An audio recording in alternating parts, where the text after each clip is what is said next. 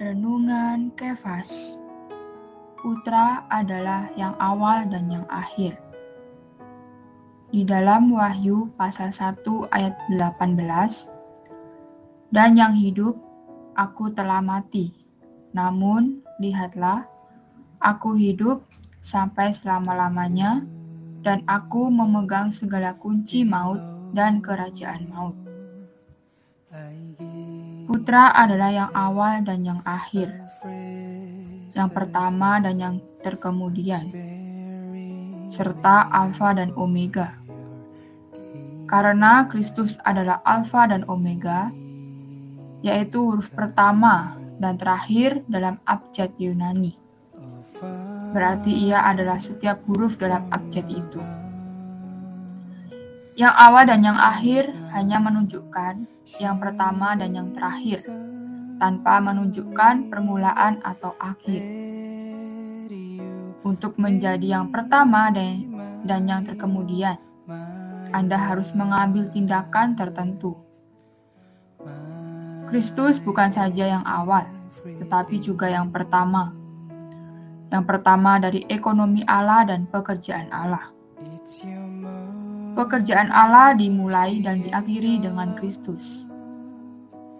Kristus juga adalah isi dan kelanjutan pekerjaan Allah. Karena ia bukan hanya yang pertama dan yang terkemudian, tetapi juga Alfa dan Omega. Dengan kata lain, Putra, Yesus Kristus adalah segala sesuatu. Dialah yang awal dan yang akhir, yang pertama dan yang terkemudian dari pekerjaan Allah, dan isi serta kelanjutan dari pekerjaan Allah. Putra juga adalah Amin. Istilah Amin mempunyai berbagai arti, realitas, ya, jadilah, dan sebagainya. Sebagai Amin, ia mempunyai arti yang lebih banyak daripada yang bisa kita utarakan. Bila kita mengatakan amin, berarti kita berseru, "Oh Tuhan Yesus." Baiklah, kita semua belajar mengatakan amin. Terakhir, Kristus adalah malaikat lain yang diutus Allah untuk melaksanakan amanat Allah. Dalam Perjanjian Lama, Kristus berulang-ulang disebut sebagai malaikat Tuhan datang untuk memelihara umat Allah bagi penggenapan rencananya. Sekarang dalam kitab ini, ia adalah malaikat lain yang diutus Allah untuk melaksanakan tujuan Allah.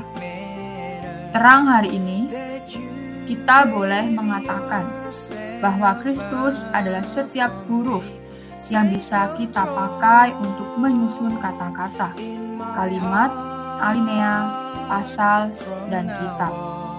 Haleluya, ia adalah segala sesuatu.